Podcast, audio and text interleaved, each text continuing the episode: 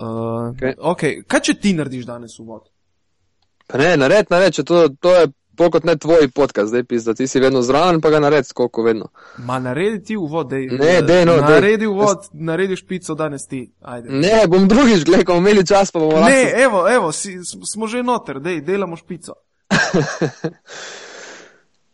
Drage poslušalke, cenjeni poslušalci, dobrodošli v poslušanju podcasta uh, Pivotiranje mislim, da zdaj že dosti dobro tudi uh, lociranega v tem košarkarsko podcast svetu v Sloveniji, ki tako ali tako ni kdo ve kako uh, velik in obširen. Ne vem točno zdaj, je to 15. 16. podcast, Tibor bo to vedel, oziroma Nec bo bolj vedel vse skupaj na drugi strani, ker je prisoten praktično pri, pri vseh. Uh, sicer pa moje ime je Miha Penko, danes na željo Neca. Eh, recimo z malce uverture z moje strani, ampak predlagam, da Nec torej najprej pove, za katero številko podcasta gre, uh, konec koncev tudi njegova ideja vse skupaj in uh, največ dela opravi Nec v zaključku tega podcasta oziroma ko, ko preden podcast pride do vas, cenjeni poslušalci. No, hvala ti, Miha, za tak lep uh, uvod in krasno edifikacijo. Medtem, ko si uh, to lepo obširno razširil, sem imel čas odpreti stran aparatus, kjer živijo štiri različne oddaje in ko sem kliknil na pivotiranje, sem pogruntil, da smo prejšnji teden posneli že 16 oddajo, se pravi danes, skačeva v 17. Ja, mislim, lepa številka, ne, ni glih jubilejna, ampak uh, kmalo, mislim, da še letos ne, bo 20 če bo šlo tako dalje. Še v 2013. Še 2013 bo 20. Okay. Ma lahko naredimo tudi, če je to 17, pa naj bo jubilejna 17 in potem praznujemo jubilejna, se pravi 17, 34, 51 in. in tako dalje. Ne? Uh, v glavnem, tale prvi del bomo malce pogledala, kar se tiče uh, same košarkarske Eurolige, morda na koncu tudi malce o italijanski uh, košarki, glede na to, da je v letošnji sezoni sam nekoliko bolj podrobno spremljam. To, to. Zaradi tega trpi moje spremljanje v ABA ligi, ampak pač situacija je tako nanesla zaradi službenih obveznosti, uh, konec koncu pa ni nič narobe, če. Ne, to je krasno. Več stvari, ko spremljamo, več vemo. Ne? Točno tako je. Ja. V glavnem v Euroligi se zadeve odvijajo z veliko hitrostjo. E, morda smo imeli nekateri, ali pa ste imeli nekateri, e, recimo, neke poglede, kako se bo vse skupaj odvijalo v osmem kolu, ko je že šlo na nož, kar pomeni, da so nekatere ekipe že izgubile dejansko vse možnosti za uvrstitev med najboljših 16, e, nekatere so si priprla vrata, nekatere so si recimo malce bolj odprla vrata in Med temi je vsekakor Partizan, ki je uspel na domačem terenu deklasirati Budivelnik. Moram reči, da sem tekmo tudi sam uh, odkomentiral obračun v areni pred 15-16 tisoč gledalci. Ena zares, zares zelo, zelo dobra igra Partizana. Budivelnik praktično ni bil kos Partizanovcem niti v enem trenutku. Verjamem, da si Nec podrobno spremljal tudi vse komentarje in vse, kar se je dogajalo okrog te tekme. Ja, precej, precej. In moram reči, da nekako kljub temu, da ima Bogdan Bogdanovič vedno veliko težav, ker ga namučijo pri samem prenosu žoge in tako naprej, zraven pa izjemno blesti. In kljub temu, da je mogoče igra Partizana sama nekoliko padla, uspevajo dosegati rezultat. In nekako je eh, grdo rečeno, ampak poškodba Lea Westermana je Bogdanu Bogdanoviču mogoče celo naredila zelo dobro uslugo, da si je uspel izboriti še bolj eh, markantno pozicijo v tem timu. In, in bo, mislim, da že naslednje poletje postal kar nekako vroča roba na evropskem tržišču. Ne? Uh, ja, dobro si ga že opisal. Jaz sem tudi šel malo v podrobnosti in v neke številke. Uh, mnogi so recimo dejali, da bo zdaj padel malce pri samih uh, doseženih koših. To se ni zgodilo. Mislim, preko 20 točk v zadnjih, mislim, da petih tekmah Haba lige. Uh, in tista zadeva, ki jo je pa še izboljšal, pa so asistence. Ne? Dvignil je asistence v obdobju ko ni Lea Westermana na dobrih pet asistenc na tekmo in če se ne motim, je prav v zadnjem kolu dosegel deset asistenc, bil ne na zadnji najboljši uh, asistent oziroma podajalec tega zadnjega odigranega kola v Euroligi, kar je pač naredilo še posebno oziroma mu dodalo še neko dodano vrednost vsekakor uh, Bogdanoviču. Ne. Izjemno je v bistvu, kako uh, fant, ki je star 21 let, če se ne motim, mislim, da je 92 letnik, ne? Uh, se uspel v kratkem času, predtem je dve leti praktično presedel na klopi, ko je uh, partizan vodil bivši Vujoševičev pomočnik Vlada Jovanovič. Ne? In uh, uspel je v tem času, kljub temu, da je imel hud manjko uh, v igri in s tem tudi zmanjšano samozavest, zelo hitro je dozorel v tej svoji vlogi in postal nekako vodja tega tima. Ne? Vsekakor mu je Vojoševič očitno dovolil, tudi, oziroma dovolil mu je možnost napake. Ja. Uh, to je samo pomagalo pri razvoju in enostavno Bogdanovič funkcionira zares odlično, mislim, neverjetno. To je nemogoče, da bo Partizan tudi zadržal, mislim, da v prihodnji sezoni. Ima pa seveda določeno podporo tudi pri Milosavljeviču, ki je ne na zadnji prvi strelec Partizana, sicer je minimalna razlika med enim in drugim, ne vem, desetinka točka ali kaj podobnega, oba dva tam nekje okrog 13-14 na tekmo v Euroligi. Uh, in pa še jasno pri strelih oziroma pri metih, bolje rečeno tudi pri Tenesu Kinsiju, ki je prav tako tekmo z uh, Pudivelnikom odigral na zelo solidnem nivoju, pa čeprav mislim, da prve tri ali štiri šute zgrešil na tele tekmi. No. Vsekakor pa so košarkari Partizana dokazali, da sodijo uh, v ta recimo malce bolj širok krok Eurolige in da niso ravno klub, ki bi, ki bi doživljal poraze enega za drugim. Uh, morda malce nesreče prav v Franciji, kolo predtem proti Nanterju, sicer bi zgodba bila drugačna, ampak Partizan ima še vedno ne, vse v svojih rokah. Dve tekmi do konca, uh, če Partizan dobi obe tekmi, uh, potem bo brško ne se uspel vrstiti dalje. Uh, če dobi eno, potem mora Nanterj izgubiti zadnji dve tekmi. Partizan sicer igra najprej v gosteh pri Fenerbahčeju v četrtek eh, in potem ga še čaka eh, srečanje doma s CSK-jem. Ja, mislim, da bo svojo srečo nekako iskal na tekmi s CSK-jem.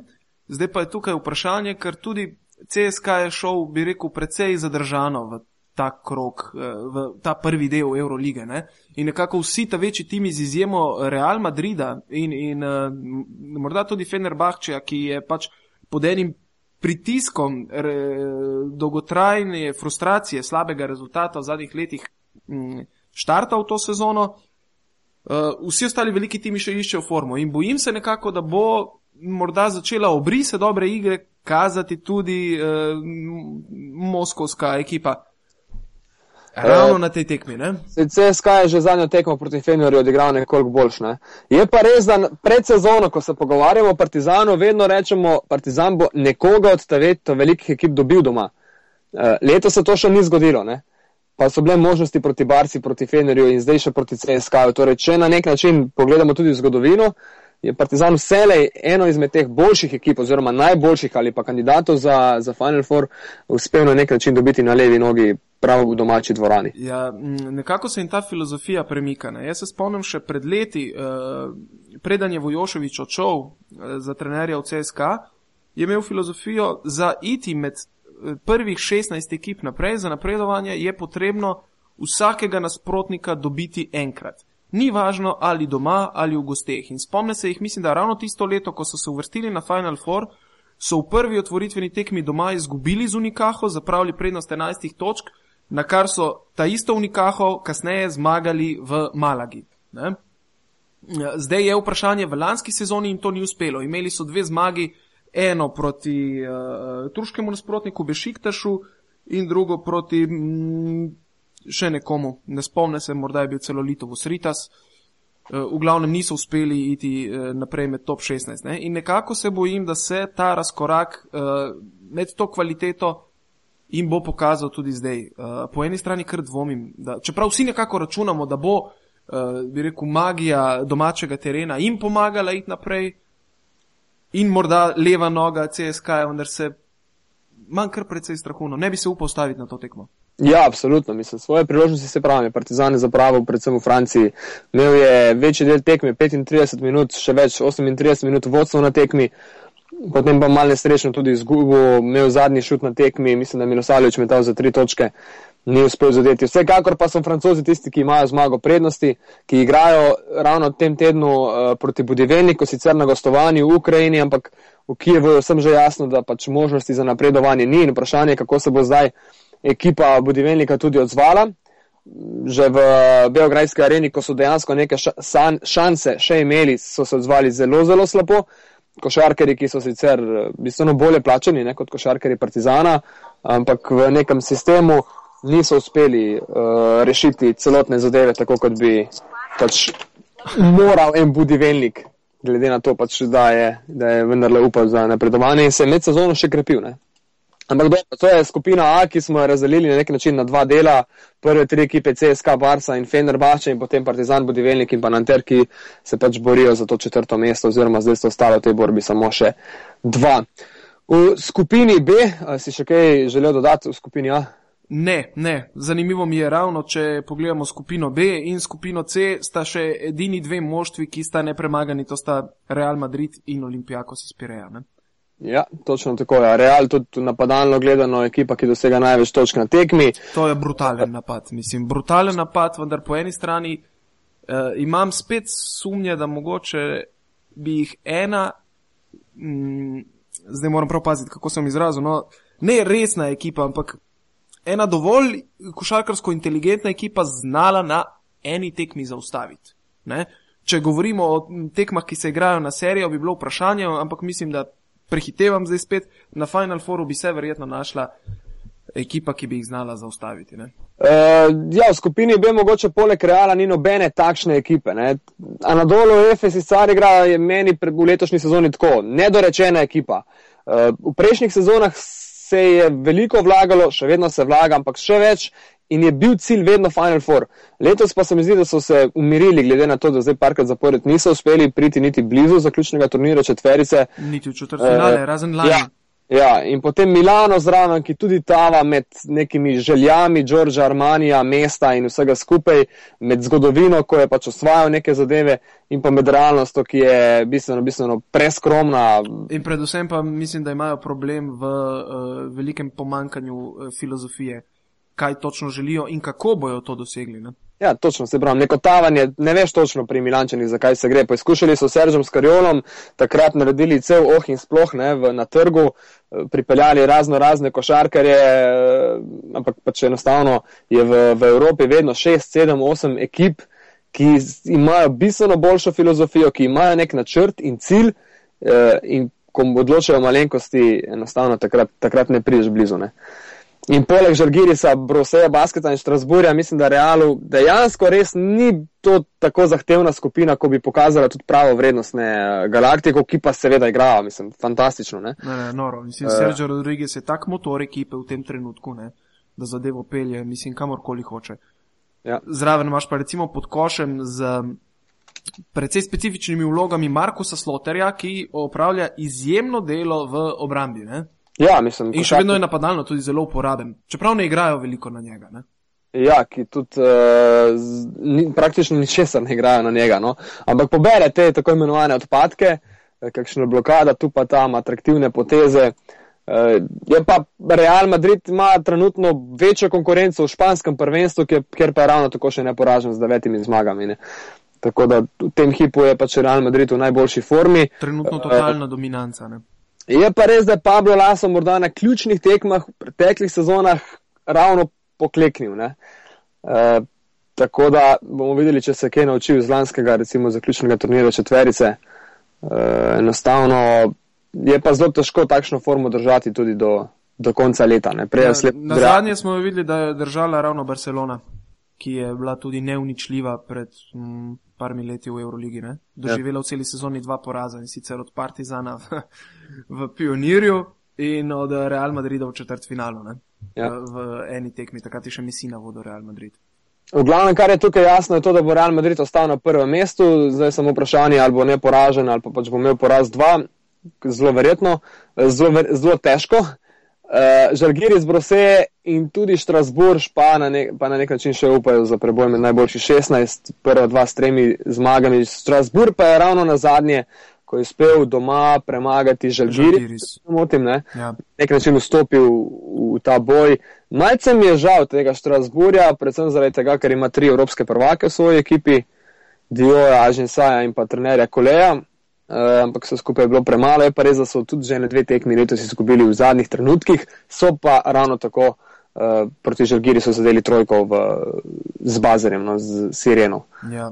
Sva še kaj pozabila tukaj, greva na skupino C, ki je. Ne, če smo že pri Realu, lahko menimo seveda uh, slovenskega košarkara, ne pri mlajših selekcijah Luko Dončiča, ki je razturil, da rečem, spletne portale v preteklih treh, štirih dneh, že prej, ampak zdaj zadnje dni je pa to vrh glave vsega, kar, kar se pač pojavljajo ti posnetki uh, o njegovih zelo fantastičnih igrah. Mislim, da je zbral indeks 61 na zadnji tekmi. Ali celo 65. Ja. Ali 65, ja, mislim, fan, fantastikus. 36 točk, trojni dvojček je bil, ne? 36 točk, dvomestno število skokov, dvomestno število podaj in pet ja. ukradenih žog. Ja. Trojke je pa metal koliko? 8 od 10. Vse nekaj ste od njega že govorili v prejšnjem podkastu, ko nisem bil prisoten. Uh, zdaj se pač ozvala tudi slovenska košarkarska zveza, zveza z, z mnenjem, da pač se računa na Luko. Ne? Jaz bom še enkrat tukaj poudaril, predvsem zelo mm, čudno držal njegovega očeta, ki skozi poudarja, da se bo Luka pač sam odločil in naj mu pustimo mir. In uh, glede na pretekle izkušnje in na način podajanja uh, takega zelo mm, cigumigo odgovora, uh, lahko samo blago rečem, da to smrdi. Sem jaz ne vem, kateri starš bi si dovolil uh, kreirati na nek način usodo svojega otroka do te mere, da bi mu ta lahko čez nekaj let, pet, deset let, uh, kaj očital ne, na podlagi tega. Ja, ampak tudi. Sem Luka govori že špansko, se šola v Španiji, mene ne bi presenetilo, če bi vzel španski potni list in igral za, za Furijo. Ne. Mislim, enostavno je pa ne zdaj pritisk, ampak neki silijo te zagotovo tudi neki rezultatski, eh, morebitni uspehi, ki so španci skoraj da zagotovljeni dalje, poleg tega vsak, vsa sistem in eh, če res nisi morda tako uh, državno naravnan, patriotsko naravnan, potem enostavno verjetno zelo hitro lahko. Lahko se igra za drugo državo. Sej, se pa ne čudimo, ko razni američani po Balkanu igrajo za, za države, ko še niso tam bili. Ne? Ja, ampak pri američanih je to drugače. Večina te, bi rekel, ameriške boranje ponovadi nima dostopa do reprezentance svoje države. Ne? Uh, če pa pogledam tukaj primeri, ok, te primeri so mogoče malo ekstremni. Ampak Dobro, recimo... gremo, gremo dalje, gremo na, na Alena Omiča. Ne? Verjetno bi imel neko možnost igranja za reprezentanco Bosne in Hercegovine. Ne? Sigurno, verjetno celo večjo kot za slovensko. No, ampak je pa igral za naše mlajše selekcije in Pač, če, če delamo, ne smemo imeti dvojnih meril. No. Če bo pač fant se odločil za Španijo, mene ne bo nič presenetilo in hkrati niti ne posebej prizadelo, ostal bo grenak prijakus. Ampak dan danes so te zadeve, sploh v košarki, tako hitro spreminjajo, da no, v rokometu pa še huje. No. Ja, ja. Čez džumbus. Čez džumbus, ja. ja. Greva raje na skupino C, vse čas jim grede tudi Luki za res te fantastične predstave. Skupini C Olimpijakos ne poraža na prvem mestu, čeprav je igral. V Minhnu je bila podivjana tekma, ne? Totalno, največ točk doslej, ja. uh, 103 proti 105. Ja. Ampak, ampak Grki so imeli tekmo narejeno dve minuti pred koncem. Imeli so potem še nek protinapad uh, Asia Loja. Uh mhm. -huh. Eh, ki ga je delani zaustavil s fantastično blokado, tudi med top 10 v, v Euroligi, v highlightsih. Potem je Hejko Šafrcik dosegel tisto noro trojko in poskrbel za, za neko euforijo. Zanimivo je, da so v zadnji akciji dejansko imeli naštimano trojko. Skok v napadu bivšega olimpijnega krilnega centra Diona Thompsona, odličen pas ven na trojko ne? in praktično čisti met. Ja. Z lahkoto bi se ta tekma končala s preobratom. Ne? Ja, sploh, ker je Olimpijako se igral brez Mirza Begiča in pa Jorgiosa Printezisa, ki ki sta uh, suspendirana. Uh, Begič še za tri tekme, torej še le v drugem delu bo lahko igral, Printezis pa ravno tako, no, še, še dve tekmi plus neke finančne zadeve po, uh, po incidentu na tekmi proti Galatasaraju z men sabo sujem. Ne? Dobro so se primili. Ja, misliš, da Begiča boli roka, ko ga je zvizno? Je, mislim, dejansko sta padla, ne? kroše, aprekat, prav bi rekel, Joe Fraser, postavitev je bila nekako. Ne? Se, če se ne motim, je men sabo suja že Marko Milič, ne, po nosu.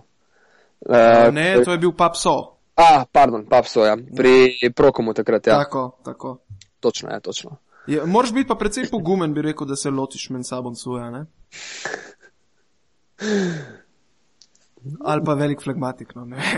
ja, ali pa to, ja. Uh, glavna olimpijaka, torej na vrhu skupine C, brez težav. Galata Saraj, ki ima tudi v letošnji sezoni ogromno težav s poškodbami, je ravno tako uspel dobiti tekmo in je zdaj bi si se učvrstil na, na drugi poziciji. No, zdaj pa pridemo do malce bolj zapletenega. Unikaha je v problemih, ne? Unikaha, Bayern München, Siena, ki je ponovno uspela slaviti s tremi zmagami in petimi porazi. In Poljaki imajo dve zmagi. Ne? In Siena je očitno ujela neko formo. Tako, pet porazov in potem tri zaporedne zmage. Štiri, ne, štiri porazi uh, in potem od štirih tekem tri dobljene. Uh, proti Unikahi, Barnu in Zeleni Guri, vmes pa poraz proti Galata Saraju za dve točki uh, na gostovanju v Turčiji. Drži, ne rabiš preverjati. Drži, drži. Ja. Lepo si mi pokimal. ja, ampak Siena je tudi prva v italijanskem prvenstvu s sedmimi zmagami in dvema, eh, dvema porazoma. Tako da, če se bodo vrstili košarkari, ki jih vodi Marko Krespi v drugi del tekmovanja, bo, bo za me to že kar soliden uspeh za neko Sieno, ki ne na zadnje ne igra v svoj dokaj vroči, recimo domači, legendarni dvorani, uh, sicer zelo stari že, pa zdelani in tako dalje, ampak po merilih Eurolige premajhni, oziroma s premajhnim številom sedežev, igrajo v Firencah, ni to daleč, ne? to je ena ura približno po, po avtostradi, italijanski. Mm -hmm. uh, ampak, Se pravi, dva avtogrila in si tam, ne? en avtogril ja, in si tam. Ja, ampak težko je to napolniti. Ne? Jaz mislim, da imajo zdaj manj, oziroma zagotovo imajo manj, tek, manj gledalcev na tekmi v, v Firencah, kot bi jih imeli v sicer manjši dvorani. Uh, v domači, domače mesto. Ne. Mi je bila pa zanimiva na to temo, so se bunili v, v Vitoriji ne, z napisi. Uh, Bunijo se tudi navijači uh, Siene, oprost, ker sem te prekinil. Na vsaki tekmi praktično imajo razno razne parole napisane. Tako. In v, v Vitoriji so jih pri tem podpirali, češ Euroligaška mafija, kaj se greste, zakaj ste jih preselili v Firence in tako naprej. Zraven pa morda celo pozabljajo, da jih je ta ta ista v narekovajih Euroligaška mafija, in pustila A licenco, ko si v lanskem letu je niso priborili. Dobro, navijači imajo vedno svoje poglede ne, za vse te zadeve. Vsekakor pa uh, bo za Unikaho, ki je zelo solidno izgledala na začetku sezone, malo bolj zapleteno uh, v zadnjih dveh tekmah. Uh, domače srečanje z Barnom, če dobijo, so praktično naredili posel, sicer bi znala odločati tekma proti Sieni v, v zadnjem kolu. Uh, Nemci imajo težave na razpored, zadnje kolo doma z Galata Sarajem, prej že omenjena Unikaha, kar se tiče italijanske Siene, pa tudi nič kaj eh, lahka naloga. Ne? Najprej gostovanje v Pireju in potem še doma z Malago. Poljaki pa z najmanj možnostmi in s nasprotnikom, kot sta Galata Saraj in pa Olimpijakos v zadnjih dveh, v zadnjih dveh kolih. Tukaj Ampak bo... se mislim, da je Zelena Gora napravila posel v letošnji sezoni. Dve zmagi za novinca v Euroligi, za Rukija.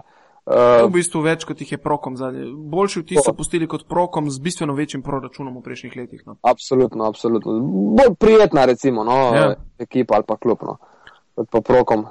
Je pa uh, uh, Unikaha je v tem kolu premagala Barcelono v španskem prvenstvu, kjer je zaigral dve minuti tudi rekonvalescent Erasmus Lorbek. Ne? Ja, uh, ne glede na vse pljuvanje, ki ga je doživel pred Evropskim prvenstvom, kjer naj bi izostal, evo, v decembru smo in komaj zdaj se vrača. Toliko bi rekel, je bila njegova poškodba v bistvu. Resno, ja, ne? absolutno. Zdaj si pa ti predstavljaj, kdaj, kdaj je že bil Eurobasket, pa kdaj so se že naši prej 50 dni prej ali pa dva meseca prej zbrali na, na pripravah. Ja.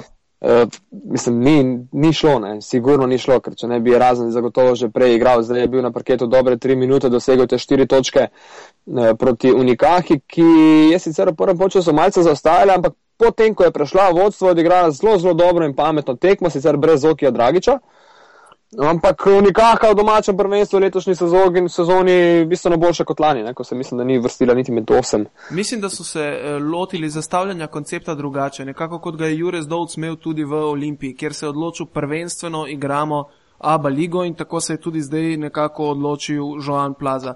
Prvenstveno moramo postati stabilen klub v španski ligi, da zadržimo A licenco in počasi se bo zgradil tudi rezultat v Euroligi. Ne? Ja, eno z drugim, zagotovo. Ne. Je pa res, da še vedno se borijo za med najboljših 16 in že on plaza zagotovo ne bo odnehal. Nikakor, nikakor. Mislim, da jim lahko uspe. No. Ja.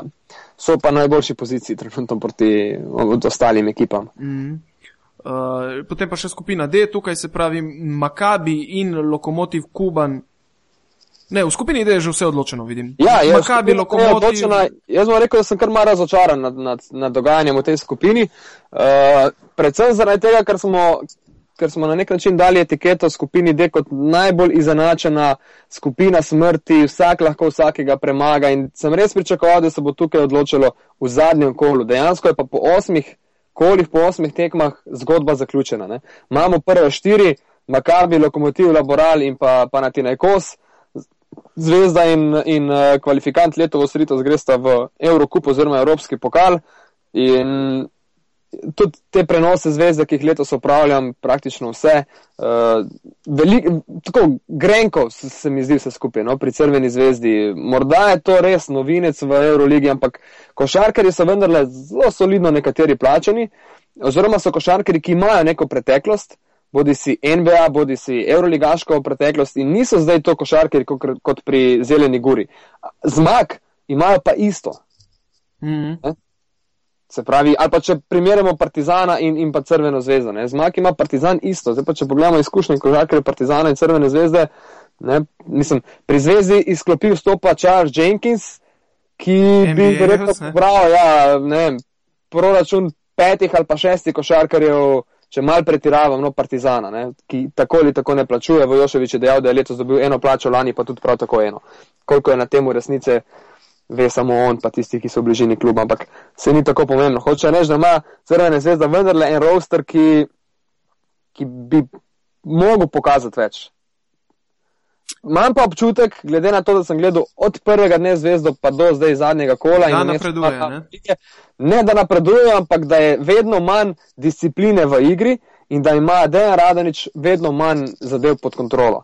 Tak občutek sem dobil zdaj na zadnji tekmi uh, Crvene zvezde v gosteh v Atenah, pa tudi kolo predtem uh, v Beogradu proti Makabiju se je zdelo, da se točno ne ve, kdo pije in kdo plača. In Blake Shilp, ki je imel zelo skromen prvi polčas zdaj proti Panatinaj Kosu, je bil na parketu, mislim, da v prvem delu 17-18 minut, Jaka Blažič z dvema zgrešenima metoma 8 minut, v 13 minuti tekme ga je zmrznil na klop in ni igral več. Uh, Šilp je na koncu sicer zbral 10 točk, z metom 4-13, pa tako dalje, in hkrati 7 izgubljenih žog.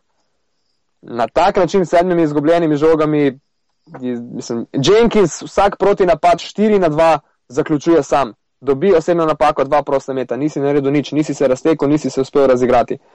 Tako da ima občutek, da, da predvsem ti američani plus da Markus Nelsona, če ga tule prištejemo, ki je sicer statistično gledano zelo soliden, da so igrali malce za sebe oziroma da je to bila bolj trojka. Tu pa tam je še kakšna žoga priletela za vem, Radenoviča, Katiča in ostale košarkare. Ja, zdaj mogoče tukaj vprašanje res, uh, ali se je tudi Radonič odločil, da mu gori pod ritjo in je nekako temu primerno se odločil zaupati pač tem trem igralcem, ki jih je postavil za nosilce, kar pomeni, da čakajmo, da se razigrajo. Tako kot je veliko krat je to Kobe Bryant ponavljal ali pa Lina Skleza tudi na zadnjem prvenstvu. Ja, samo počakajte, da, da meni za laufa šut, pa bo boljše. Ne? Ja, jaz bi se s tem strinjal, če bi zvezda imela, ne vem, štiri zmage ja. do tega trenutka, ampak. Se pravi, sem zvezdo gledal čisto vse tekme letos v Euroligi in, in se mi zdi iz tekme v tekmo celo m, slabša zgodba uh, z manj sistema, z manj te discipline in odgovornosti, predvsem v igri. Jenkins izgubi žogo, pa še kar par sekund gleda levo, desno, preden se vrne v obrambo. Vse to neki v, v nekem sistemu not, ni delovalo, oziroma je bil to brezsistemski basket, predvsem v napadu. Lahko bi rekel, da je Radonič izgubil verjetno neko kontrolo. Očitno je, da zadeva pod pritiskom ne deluje dobro. Ne? Uh, recimo pri Partizanu imaš pa ravno drugačen primer. Pazi, ne, zvezda je prvo kolo Abu lige izgubila, se pravi, se, mislim, da drugo kolo je bil radnički, če se ne motim. Ja. Se je reševala v enem drugem kolu, ko je pač mogla zmagati, v primeru novega poraza bi to bila mislim, katastrofa. Menjava trenerja, ja. No, in zvezda se je reševala tudi s prvo zmago v Euroligi, še v četrtem kolu proti Laboral Kuči na gostovanju. Mhm. proti eni laboral kuči, ki ima ta moment eh, pet zmag. Ne? In jo ja. je zvezda dobila. Ob treh porazov ima laboral kuča enega proti zvezdi, pa še ena tekma eh, se bo igrala ravno ta teden. Torej, pod pritiskom so ti fanti pokazali, da ravno tako znajo mogoče odigrati.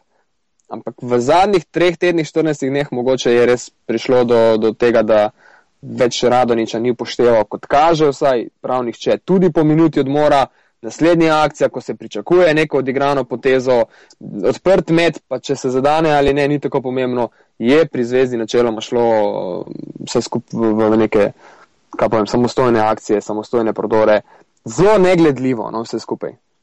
Sploh napravim, če kdo gleda en dan prej Partizan proti Budivelniku, kjer je pa vse v, v sistemu, v okvirih in se točno ve, kaj se počne. In iz tega sistema potem izhajajo dobre poteze, kot je bil recimo um, Dano z nenormalnim zabijanjem prek Laurinoviča, ko je potegnil sredino in mislim, da je košarkar, ki je še pet sekund prej deloval popolnoma nesamozavesten.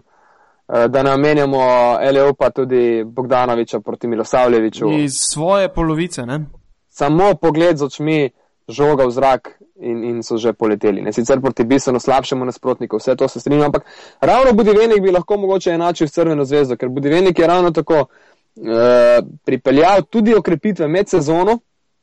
Tega organizatorja Kuka so pripeljali uh mhm. -huh. in, in vse to v sistemu je izgledalo katastrofalno, se pravi, brez, kot da so brez trenerja. Tako da toliko o Crveni zvezdi, ki, so, ki bo pač mogla naslednje mesece preživeti v Evropskem pokalu. Ja, kar, kar jim v bistvu še vedno nekako, bi rekel, rešuje Evropsko sezono. Oba kluba bosta v vsakem primeru prezimila v Evropi. Zdaj ali v Euroligi, v, kar za zvezdo je zagotovo že ne in najverjetneje tudi za Partizan, mislim, da lahko pa še vedno oba lovita dober rezultat v Evropskem pokalu. In, in glede na navijaško strukturo in mentaliteto v Beogradu, se dvorana ne bo izpraznila, kar bi se verjetno zgodilo v Union Olimpiji. Uh, bomo videli. No. Zdaj zvezda ima mal smole, ker je ravno svetovno prvenstvo v rokometu za ženske v pionirju in bo tekmo z Laboral Kuče igrala v areni. Areni za dobrih 20 tisoč gledalcev. Na prvi tekmi, ko je bila neka euforija, jih je bilo 19, jaz mal dvomim, kaj se bo v četrtek uh, dogajalo v areni, oziroma manj pomislike na vse skupaj. Je pa uh, Vlado Kozmanovič, ne, nekdani košarkar uh, Crvene zvezde, če se spomniš? Ne. Se ne spomniš? Moram priznati. Uh, igral je uh, po nekaterih drugih klubih, tudi malce po, po, po Balkanu. No, on je glavni strokovni komentator oziroma uh, strokovni sodelavec sport kluba v Srbiji. Uh mhm. -huh. In sem uspel z njim pač govoriti v teh potovanjih mojih v Beograd in je, je dejal, da se ne strinja s potezo kluba, da je prvo tekmo odigral v areni proti lokomotivu, ker je enostavno to bilo preveč za fante, za novinca v Euroligi, da bi se tista tekma morala igrati v pionirju, ne pa da je zvezda čakala potem do četrtega kola na prvo, končno prvo zmago v, v Evropi. In morda kot nekdani košarkar, verjetno točno pozna in ve, kako zadeve funkcionirajo. Uh, Igrajo ne nazadnje tudi v Belgiji in pa v Grčiji in v Romuniji. In v, zdaj ravno kar berem, mislim, da tudi v. Kaj, v budućnosti, ja. Podgorica budućnost. Ja. Uh, glavno on je pač malo tako nakazal, da to ni bila najboljša poteza z marketinška vidika, mogoče, ampak z igralnega pa je pionir zgodba, ki, ki funkcionira. Ja, po drugi strani pa ne gre za podcenjevati lokomotiv iz Kubanja. Ne? To, A, je, to ja. je hudičeva ekipa z izjemno obrambo in, in, in izjemno gibljivimi centri. No kar povzroča definitivno težave. To so zdaj omenjali že večkrat. Ja, to so zdaj vse vprašanja, kaj bi bilo, če bi bilo, ampak ja, ja. Je, da, pač, da so zmanjkale tri točke, da, da bi morda res nekem norem vzdušju v pionirju to zveza, kakšno sodniško odločitev drugače speljala, ampak enostavno tako je eno. No, okay. uh... Kar se tiče Eurolige, se pravi, skupina D je odločena, uh, skupini A na nek način mi kot Balkanci računamo na Partizan, skupini B že rečeno Žalgiri z Brose, eh, tudi deloma Štrasburu, v skupini C pa štirje v boju za dve poziciji, Unikaha, Bayern, Siena in Zelena. Verjameš v Štrasbur bolj kot v Žalgiri ali pa? Pa ne, mislim, da ne. Jaz, če bi že bi najbolj verjel v, v nemške košarkarje, v Bruse Baskets, od omenjenih, uh, ki igra proti Milano in doma proti Žalgirisu. Strasbourg pa proti Realu in proti Milanu, mislim, da ne bo, da ne bo tukaj prišel do izraza. Ja. Ne, ja. E, poleg, poleg recimo, uh, oziroma, ja, proste basket sem prav povedal. Okay. Uh, 35 minut sva. uh, vključiva počasi, vključimo še gala, imamo še kaj zapovedati. Tako. Ja, ne, mislim, da nič posebnega, morda enkrat v prihodnje tudi uh, malce o italijanski košarki. Čeprav smo jo napovedali danes na začetku. Ne? Ja, no dobro, uh, bo drugič. Uh, Mika, hvala ti, evo, zdaj se pa selim še na gala, upam, da jo naslednjič dobim v, v enem kosu. Dobro, to je to. Evo, nadaljujemo z drugim delom, kjer bo, bo vas galom na brzino predstavlja, predstavlja dogajanje v Abu Leigi, prvenstveno v Abu Leigi. Dober dan Dobro tudi večer. z moje strani. In dober večer in dobro jutro, odvisno to, od tega, kdaj boste poslušali.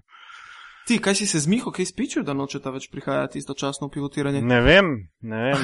Tudi jaz sumim, da, da se me nekako izogiba ali, ali, sva, ali je on, ali sem jaz, ali sva pa oba s tem, da v enem delu eden, v drugem drug. Bomo ja, ja. videli, kaj je.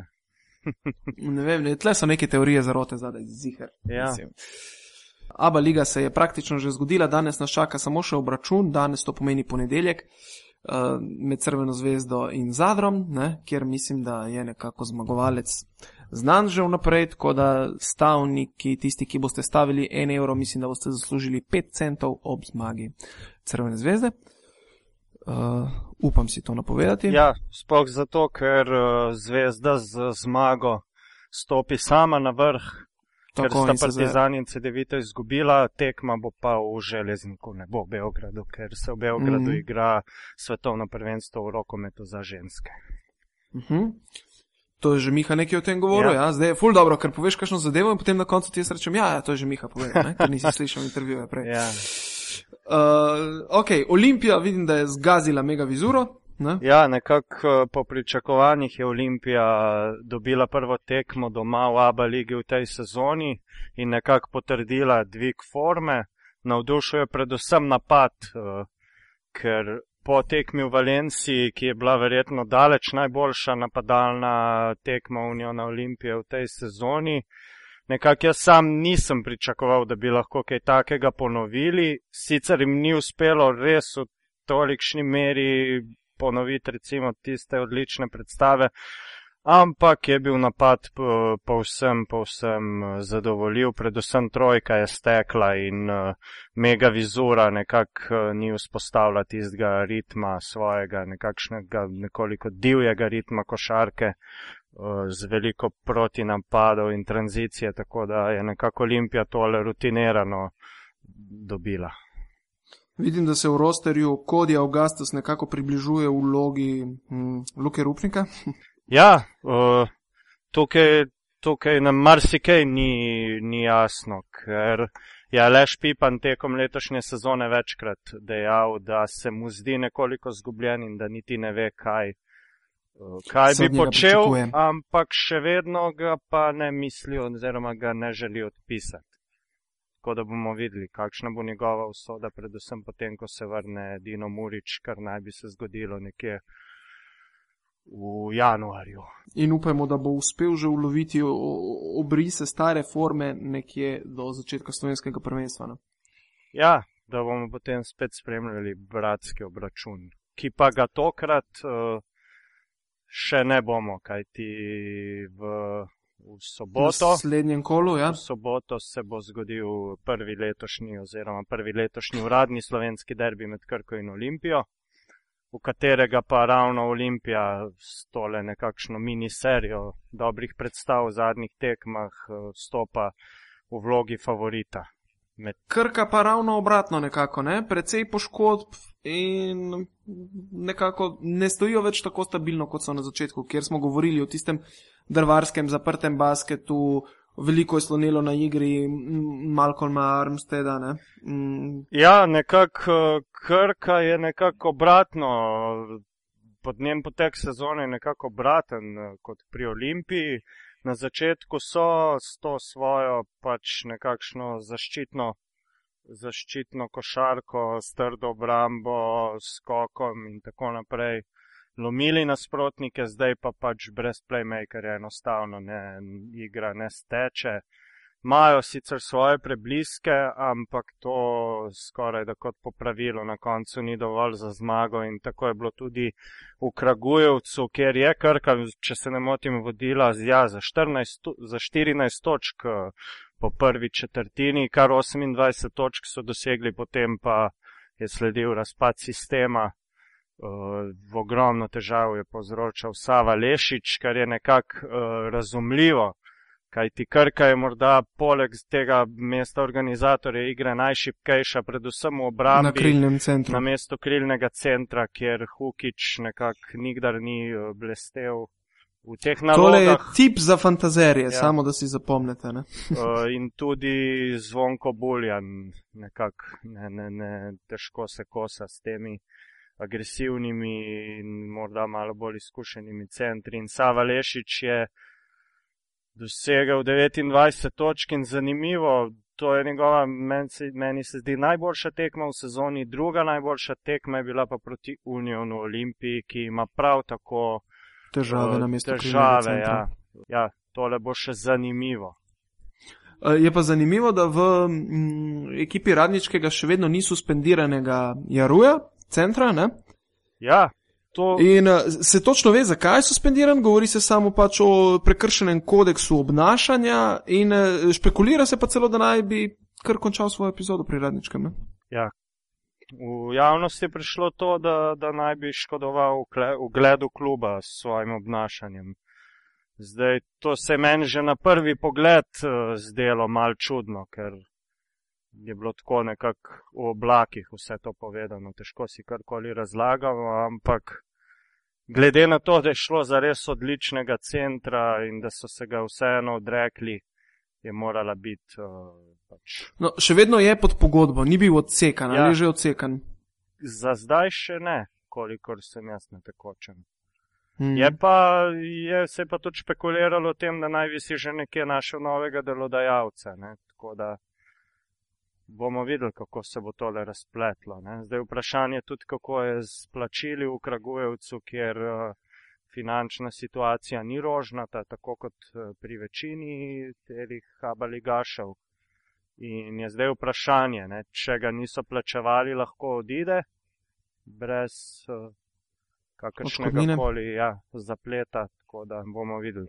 Definitivno je pa šlo za verjetno kar najboljšega centra Aba lige.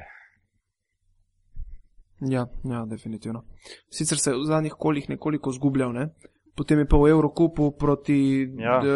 finskim bizonom odigral fantastično partijo z statističnim indeksom, mislim, da 42-43, ja. in po tej tekmi je bil suspendiran. Ne? Ja, mislim, v Eurocapu se ta padec ni, ni, ni tako odrazil kot v Abu Leiji, zdaj tukaj lahko spet špekuliramo. Ne? Poznamo, poznamo razne definicije oziroma razlage, da igravci, sploh te tujci, na evropskih parketih dajo več od sebe, ker mislijo, da so pod uh, večjim, večjim drobnogledom, skavtov ja. in tako naprej.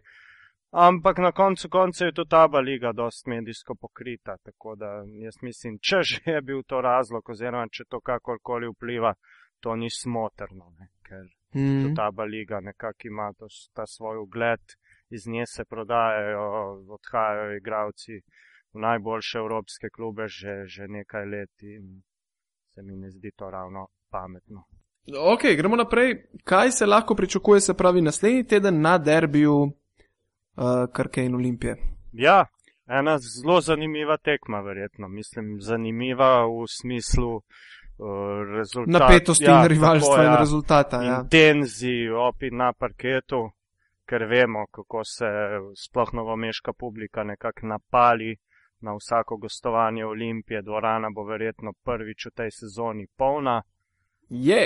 Uh, tako da se tukaj, tukaj bi jaz vseeno rekel, da, da so možnosti kar 50-50, ne glede na trenutno formo, na igravski kader, ker bo motivacija verjetno na najvišjem možem, možnem nivoju. In že zdaj, kolikor se pogovarjam z dolenci, so že zdaj predvsej nabrušeni in komaj čakajo to prvo tekmo. Ljubljančani pa prav tako. Uh, Mislim, da Olimpiji prihaja ta tekma v najboljšem možnem času. Ja, lahko bi kar rekel tako. Ja. Olimpija si bo pa tudi uh, želela nekako uh, vse rane iz preteklih let zaceliti na tej tekmi, hkrati pa so si zadali cilj, uh, da ta prvi del uh, Abu lige, se pravi še tekma s Krko in domača tekma z Zadrom, zaključijo z nizom treh zmag, kar bi jim omogočilo oziroma kar bi jih postavilo v bistveno, bistveno boljši položaj, kot je bil ta recimo še par kol nazaj. Ne. Se strinjam, tudi v 14. kolu jih doma pričakajo MZT. Ja. Uh, ki tudi bo še potreboval nekaj časa zdaj pomenjavi trenerja, da si vzpostavi nek nov sistem. Videl sem, da so se že začele dogajati ene spremembe, recimo Stefan Sinovec igra bistveno manj, namesto njega več igra Stojanovski. Ja, pa recimo Uroš Lučič je imel predvsej večjo minutažo in je bil tudi najboljši igralec pri pora porazu MZT-ja s širokim Tako da bomo videli, verjetno se obeta tudi kakšen prihod novega igralca pri MZT-ju, potem ko je uh, angažma Smaša Parkerja nekako padel v vodo. Pa je bilo res kaj na tem? Ja, pisalo se je marsikaj, ampak glede na to, da uh, je pač poznam Zorana Mardiča in sem poslušal kot njegov sodelavec njegove komentarje la, v lanski sezoni, ko je Parker igral za Cibono, da mu nekako ni bil všeč. In meni se zdi, da je ravno tukaj prišlo do nekega. Prevagala ja, se pravi njegova beseda. Ena, ena je bila želja ja, uprave, druga pa trenerjeva beseda. Ne? Dejansko si ne predstavljam, da bi si on želel takega igralca. Ne? Tako da uh, meni je bilo že na začetku precej čudno, da, da, da bi ga angažirali. Tako da, ja, v soboto se nam res obeta zanimiva tekma, tudi sam se bom verjetno podal v, v novo mesto, eh, ker bo to verjetno prva tekma, recimo s tisto ta pravo dolensko folkloro, eh, ki je vedno zanimiva. Ne. Ubi, ubi, žavara. Ja, pa verjetno bo totalen nomič spet deležen kakšnih nesramnih in malo manj nesramnih provokacij. No, bomo videli, kako se bo tokrat odrezal, ali bo uspel ohraniti mirne živce, ali se mu bo spet snelo. Ne? Ja, jaz upam za voljo njega in njegovega napredka, da, da si ne bo, se ne bo oziral na, na take provokacije. Mene predvsem zanima, kako se bo odrezal ali špipan, nekako trener, ki je zelo lepa leta preživel v, v Krki. Ja. In dosegel tudi lep rezultat, padel je Real Madrid, takrat je igral še Jaka Lakovič, pa Bene Davison ja. za, za Krko. Pipan je takrat sestavil eno najbolj, uh, kako bi rekel, atraktivnih recimo, ekip, ki so kadarkoli igrale na, na slovenskem prostoru. Tako da tudi on bo definitivno po, še posebno motiviran uh, na tej tekmi, da nekako pokaže, da zna ker on je takrat uh, bil odpuščen, prišel je potem Neven Spahija in Krko popeljal v finale takratnega pokala Ulep. In verjetno bo tudi Pipan uh, storil vse, da nekako uh, pribori tole četrto zmago na vročem gostovanju. Bo pa to, tokrat pa definitivno ne pričakujem velikega števila točk odločal bo lahko verjetno tudi en sam napad, ukolikor se ne bo zgodilo kaj nepredvidljivega in pa seveda tekma dveh obrambno naravnanih ekip, recimo, čeprav Olimpija v zadnjih, v zadnjih tednih tudi v napadu kar solidno igra. Jaz mislim, da bo ta tekma m, morda celo prej odločena tokrat, čeprav je zmeraj situacija specifična, kadar se srečata ta ta dva nasprotnika, ampak Olimpija je le trenutno v precej močnem usponu, bom rekel, nima talentirane ekipe, daleč od tega, uh, niso niti atraktivni, ampak nekako uspeli so se prikazati z eno delavnostjo, vse počasi, bi rekel, pobirajo. Ne? In, in uh, vprašanje bo, kako bo uspela Krka zaustavljati tukaj, mislim, da ravno Alena Omiča in verjetno tudi playmakerja. Ne? Ja, jaz več, jaz več eh, problemov Krke vidim v napadu. Ne? V obrambi, obrambi nekako imajo, bi lahko rekli, proti orožja za Olimpijo. Recimo za Davida Sagajljusa bi jedo Murič, kolikor bo že ukolikor je spet fit po tisti poškodbi, da je maksimalno pripravljen, bi mu lahko konkuriral v, v obrambi. Prav tako Rojc uh, lahko solidno opravi uh, to delo. Bo pa problem v napadu, ker Rojc sam verjetno cele tekme ne more nekako odigrati na takem nivoju in potem tukaj nekako flika to, po, to pozicijo Jaka Klobučar, ki ima verjetno najboljšo sezono v karieri trenutno za sabo, vendar ga potem tukaj zgubljaš uh, za tist primarni njegov položaj uh, branilca šuterja. Tako da ja, mislim, da, bo, da bodo kar precej uh, obremenjeni teli nosilci pri Krki. Tudi Kris Booker se bo recimo moral zelo izkazati pri pokrivanju obeh centrov. Tako, in ravno, tako on je, ja, in, kot in ravno on je eden izmed tistih poleg Klobučarja, ki, ki v zadnjih tekmah kaže uh, spet isto staro formo, ki jo je uh, kazal tudi na zadnje pri Krki. Ne? Tako mm -hmm. da bomo videli, ja. zanimiv, zanimiv obračun. Uh, tako da tukaj bo zelo težko napovedati, kakšnega bi pa definitivno postavil rahlo vlogo favorita Olimpijo. Ne.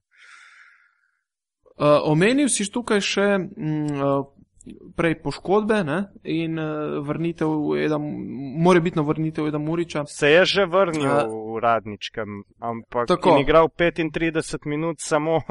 Tekm, tek, za tekmo ni bilo TV produkcije, tako da se je Ne vemo, kaj se je moglo dogajalo. videti. Ne? Iz statistike pa lahko razberemo šest izgubljenih žog, met iz igre 15-4, kar pomeni, da še nekako ni v tistem pravem ritmu. Ne. V obrambi, mm. v obrambi verjamem, da je bil na nivoju kot vedno, tudi sedem skokov. Uh, zdaj pa vprašanje, kako je dejansko z občutkom, recimo za met.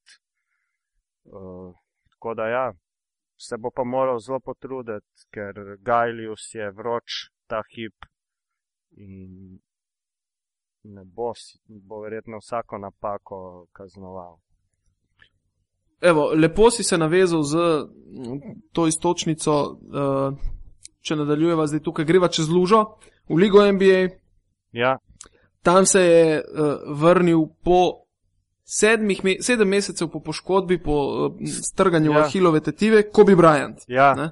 Um, Po, pri 35 letih pokazal je, bi rekel, izjemen karakter in ta nek njegov notranji drive in, in, in trmo, ne? kot da bi bil istrijan. Ja, definitivno on je še eden tistih zadnjih uh, posameznikov v Ligi NBA, bi lahko še nekako rekli iz tistih romantičnih časov, čeprav so se mogoče končali malo prej, ampak vseeno, on je, on je eden zadnjih tistih ta pravih, zagriženih, nepopustljivih borcev. Z res fanatično In- delovno etiko. Ja, ne. in, in znova je dokazal, ne. Kolikor sem jaz malo preberal stvari, je rehabilitacija po strgani ahilovi tetivi se lahko zavleče tja do, do 16 mesecev. On se je pa vrnil po sedmih mesecih pri 35 letih. Uh, tako da je pa to nekako po pričakovanjih, ker ko se je to zgodilo, sem jaz vedel, da če se bo kdo vrnil hitro in uh, popolnoma fit, čeprav tekma ni bila za Anglih, ne vem kaj, uh, je to Ne, je lahko on. normalno. Ne? Vidi se, prvič je imel nekako tako resno poškodbo v svoji karieri in, in uh, nekaj časa bo potreboval eh, spet bistveno manj kot katerikoli drugi igralec, da nekako postavi svojo glavo na pravo mesto, da začne igrati. Imel je ogromno težav in, in z driblingi, in z meti, eh, dvakrat je bil zablokiran, zgubil je, mislim, da 8 žog v 28 minutah, zelo slabo je metal in nekako se vidi, tudi v intervjuju potem je izjavil, da nima ni, nima še tistega pravega občutka za igro, tajminga, se pravi, glava je pri njemu in on se tega zaveda. In, ampak mislim, da praktično ni igralca v, v tem trenutku na parketu, kjerkoli na svetu, ki bi se uspel tako hitro, če se je že fizično uspel pripraviti. Ne dvomim, da se bo tudi psihično uh, uspel, ker njegova glava je taka. Mislim, on je tudi, prejšnji sem bral, da je veliko veteranov, ko je on prišel v Lakers, nekako bilo prisiljeno zapustiti Lakers, ravno zaradi te njegove podivjane delovne etike, v, v, s katero je tudi potiskal naprej veterane. In kdor se ni temu prilagodil, je pač odšel stran. Ne? Ja, seveda, ker pa tudi za mlajše igralce, ne?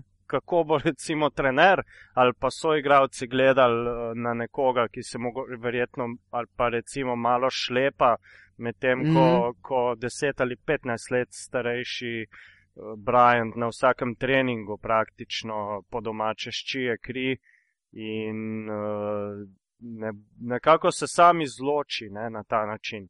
Je pa fascinantno tudi to, da, da je on je eden redkih, recimo, ki pri 35 letih uh, lahko igra na tako visokem nivoju, kaj ti je dovolj raznovrsten, da, da nekako ni odvisen samo od prodora. Pa bom spet omenil tukaj Lebrona Jamesa, ker, ki ga sicer marsikdo ve, da mi ni ravno pogodu. Ampak, to si zelo milo povedal. Ja, ja ampak, ampak ja, Kobi je vse stranski igralec. Ne? In on tudi, če v napadu recimo ne da, ne da tistega, kar bi se recimo pričakovalo od njega, bo to nadoknado v obrambi. Dve ukradene žene se, ne? Danes, res so ja. žene, ogromno zahteva od sebe. In recimo to se vidi tudi potem, da recimo še vedno želi pokrivati uh, uh, playmakerja. Ja, od samega začetka ustvarja pritisk ja. na žogo in pri teh letih uh, je to že kar, bi rekel, velika norost, no? ki je on dejansko še vedno kos. Tako da verjamem jaz, da do playoffa se bo ta človek sestavil. Ne? Ja, on se definitivno bo sestavil. Je pa vprašanje, kaj lahko Lakersi kot ekipa naredijo. To, to je bilo že vprašanje ja, pred sezono. Uh, tako da bomo videli. Uh, on ima itak nekakšen status božanstva v Los Angelesu, vsaj v tistem delu, ki stiska pesti za, za Lakers-e. Tako da definitivno je liga spet uh, pridobila marsikaj s tem njegovim povratkom. Cel teden se je recimo odštevalo, še štiri dni, še tri dni do, do, do te vele vrnitve. Tako da ja, jaz pogrešam te igralce, recimo stare šole, ne? ker jih je če dalje manj. Pa zdaj bi pa samo še omenila, uh, moram tole omeniti uh, v zvezi z NBA-jem. Boston Celticsi so za 41 točk uh, premagali New York Knicks. Že, že po prvi četrtini 34 proti 11. In Boston se nekako iz uh, ekipe, ki, za katero so vsi mislili, tudi sam sem mislil in hkrati tudi upal, da bodo tole sezono tankali. Pušnili. Tankali, ja. kot, se, kot se reče v žargonu. Ampak imajo skoraj 10 zmag, 12 porazov, sicer ni blesteč, ampak glede na, glede na talent, ki ga ima ta ekipa in glede na to, da se še vedno ni vrnil uh, Ražon Rondo, je ta rezultat mega fantastičen. V svoji atlantski diviziji so na prvem mestu in če bi se trenutno delile vstopnice za, za playoff, bi bili četrti sit, kar je boljše kot lani. Uh, ko, ko sta tu še bila Paul Pierce in Kevin Garnett, pa tudi Jameson Terry. Tako da je Brad Stevens, eh, to je trener Bostona, ki je prišel naravnost iz Wichita State, torej iz količ košarke, uložil zelo, zelo resno kandidaturo za naziv trenerja leta, ker za to ekipo pa res nihče ni pričakoval, da, da se bo tako uspešno kosala. Pa ne rečem, da je zdaj New York nek pravi tekmec, eh, po katerem bi lahko delal zaključke, ampak je kar uspodbudno. Čeprav je pa to zdaj spet vprašanje, koliko je to dobro za prihodnost Bostona, glede na to, da so si želeli nekako biti eni glavnih igralcev na letošnjem oziroma priho naboru prihodnjega leta, ki bo eden najboljših v zadnjih letih. Tako da ja, pa recimo, da omenjava še Indijano, če smo že pri NBA-ju, še par besedic, še vedno igrajo fenomenalno, samo trije porazi na, na 18 tekmah. Na zadnje so, če se ne motim, v San Antoniju premagali Sprse, res fenomenalna ekipa. In nekateri sicer to je pretirano in že nekako mogoče se spogledujejo s tistim rekordom Chicaga v rednem delu, ne? ampak mislim, mm. da je mhm. to vseeno malo prehitro. Dolga je še sezona, ja, še imeli čas. Ja, recimo, da smo na dobri četrtini zdaj. Ja, se pa lahko približajo, če bo šlo tako naprej, ampak jaz vse ne verjamem, mislim, da se bodo, da bodo en kakšnih 18 krat ali pa 16 krat izgubili. To je to, odlično. Ga čva zapakirati? Pa dajmo.